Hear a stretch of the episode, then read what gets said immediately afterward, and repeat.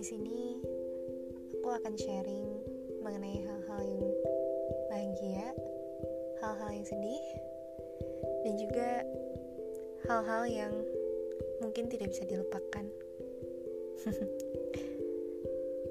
Aku berharap kalian semua bakal suka sama Rintikan.